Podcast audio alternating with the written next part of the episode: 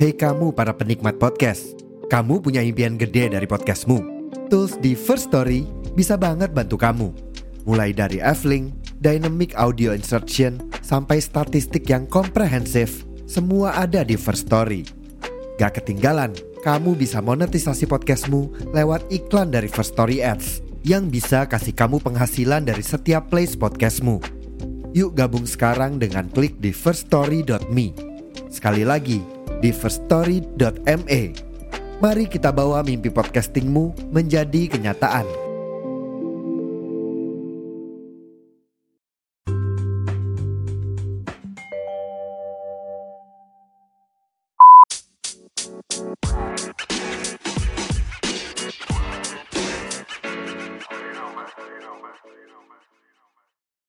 Halo, halo, selamat pagi, selamat siang, selamat sore, selamat malam, pokoknya selamat apa pun buat kamu yang dengerin podcast sih. Dengerin sebentar podcast, dengerin sebentar nanti juga paham. Nah, ketemu lagi nih sama aku Anggi Rizky di sini di episode baru di bulan Mei ini di akhir Mei. Nah, di episode kali ini spesial banget nih episodenya. Episode dengerin sebentar podcast kan selalu spesial ya. Nah tapi apa yang bedain spesial dari yang lainnya? Di podcast kali ini kita bakalan ngomongin tentang eh benar nggak ngomongin sih. Aku ikut podcast kompetisi uh, bicara makro prudensial dari Bank Indonesia yang bekerja sama dengan pabrik suara rakyat suara rakyat. Nah seru banget tuh kan Bank Indonesia kerjasama sama pabrik suara rakyat ngomongin tentang keuangan ngomongin tentang makro prudensial di podcast kompetisi kali ini. Nah, di podcast kali ini dengan tema kenapa sih kita harus peduli sama stabilitas keuangan kayak gitu kan. Penting banget uh, pentingnya kebijakan makroprudensial bagi stabilitas sistem keuangan. Nah, di podcast kali ini aku bakalan ngomongin temanya yang subtema tentang UMKM di era new normal, topang ketahanan ekonomi nasional.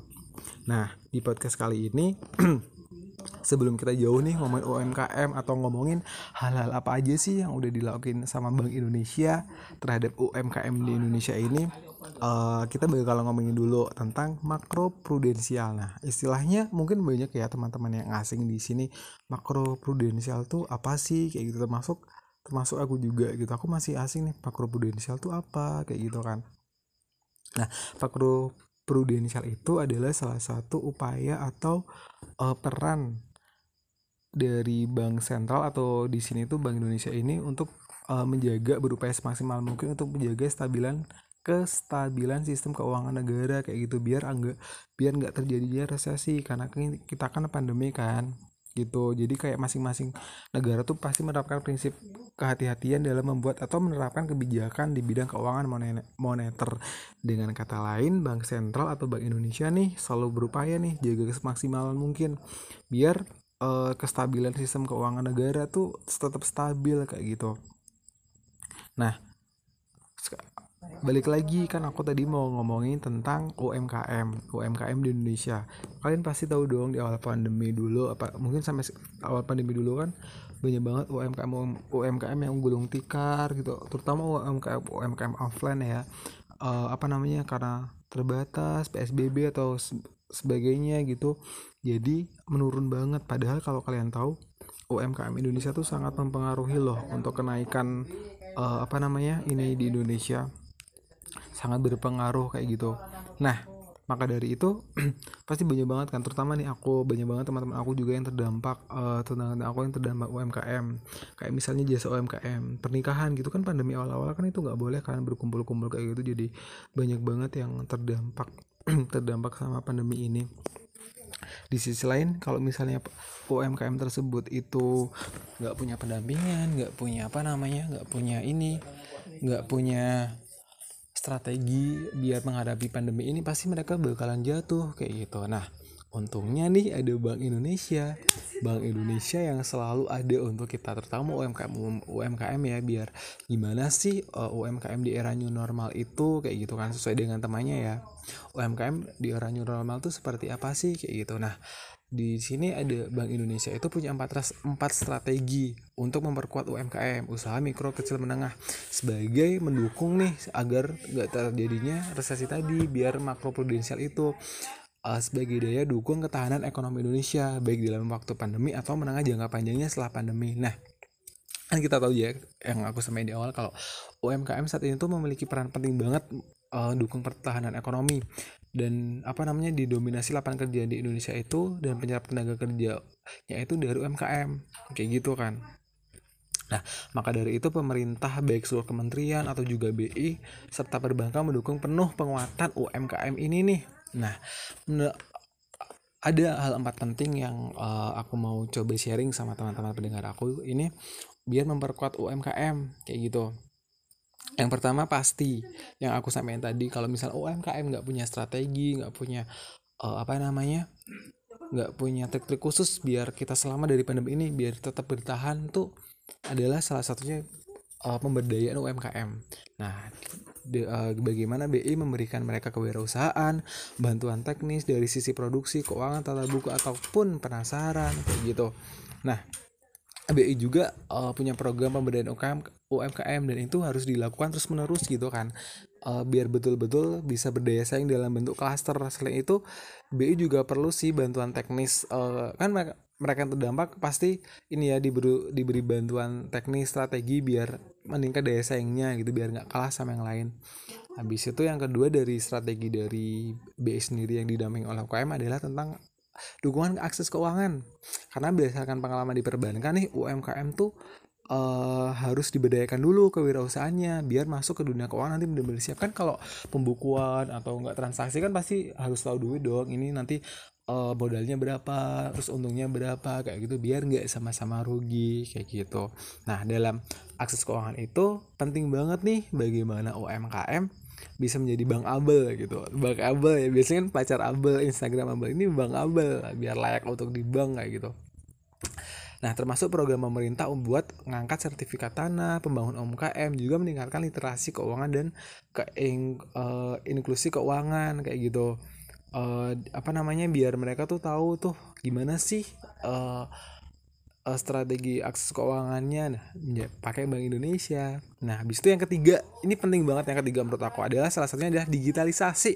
Ini penting banget karena kan sekarang kan online semua kan. Jadi semua beralih ke e-commerce, fintech dan lain itu sangat penting. Maka dari itu Bank Indonesia uh, apa menyediakan sistem pembayaran digital. Nah, udah disediain tuh QRIS kan. Biasanya biar tinggal apa namanya scan-scan aja nggak usah nggak usah uh, apa kontak langsung gitu bisa scan scan aja. Jadi kita nggak kena corona deh kayak gitu kan. Karena udah serba online serba cuma di scan scan doang duitnya yang ada di saldo kita udah udah apa namanya udah kepotong. Tau gak sih? Dan di tahun ini nih 2021 udah 12 juta loh merchant yang sebagian UMKM ini menggunakan kiris udah terdaftar dan kirisnya tuh udah terdaftar di marketplace, digital banking dan fintech ini adalah salah satu salah satu upaya dari BI gitu loh biar menyambungkan digital banking dengan fintech melalui Open API sehingga service yang uh, diberikan digital banking dan fintech juga memiliki standar seperti KRIS atau memperluas jangkauannya gitu biar UMKM tuh udah digitalisasi gitu lah. Nah yang terakhir adalah memperkuat, memperluas atau memperbanyak masalah UMKM UMKM nih. Nah, sejak tahun lalu ya, aku paling suka banget sejak tahun lalu Agustus tahun lalu BI itu udah dukung gerakan nasional bangga buatan Indonesia. Wah, keren banget emang Bank Indonesia ini mantep banget, mantep banget. Dia selalu dukung pergerakan kita, pergerakan dari kecil ya. Salah itu gerakan nasional bangga buatan Indonesia biar kita beli produk lokal aja kayak gitu ditambah lagi Kementerian Pariwisata juga udah menggalakkan bangga yuk berwisata di Indonesia Nah, nanti uh, dalam ke depannya Bank Indonesia akan terus melakukan gerakan ini bersama pemerintah kan. Selain itu, uh, gerakan belanja produk Indonesia ini akan difokuskan di NTB di sana, Bank Indonesia. Biar semua bajunya UMKM kayak gitu, biar apa namanya semua pakai pakainya yang Indonesia aja lah, nggak usah yang apa namanya, nggak usah luar negeri Indonesia banyak kok yang apa namanya uh, kualitasnya udah bagus, udah internasional bahkan apa namanya kualitasnya nggak kalah saing gitu loh sama uh, sama luar negeri. Bank Indonesia ini emang keren banget ya gak sih? Oh ya abis itu ada juga nih uh, apa namanya strategi-strategi yang dilakuin oleh Bank Indonesia. Oh enggak gini. Mungkin uh, teman-teman pendengar aku gimana sih biar kita bisa dibantu oleh uh, apa namanya dibantu oleh sama sama Bank Indonesia nanti kalian bisa cek di uh, websitenya bi.go.id slash bisa.id di sana udah ada uh, apa namanya dikasih tahu profil UMKM yang potensial dibiayai oleh perbankan tuh bagaimana datanya bagaimana terus abis itu sektornya apa perusahaannya apa kayak gitu. Terus itu udah lengkap di sana kalian bisa di sana kalian bisa apa namanya bisa baca-baca tentang program pengembangan UMKM bagaimana sih biar kita uh, apa namanya diberi uh, bantuan atau uh, Bank Indonesia tuh mengatakan kita layak uh, dibiayai oleh Bank Indonesia seperti itu. Keren banget memang Bank Indonesia ya nggak sih? Bank Indonesia itu memang kita harus uh, apa namanya uh, kita harus be, uh, apa selalu dukung Bank Indonesia produk-produk lokal cinta lokal mungkin dari aku cukup sekian sih podcast uh, ini singkat padat jelas yang penting kita ngomongin UKM UKM kalau emang terdampak dengan Bank Indonesia adalah salah satu solusinya dengan strategi-strategi yang diberikan agar nggak makro prudensial itu.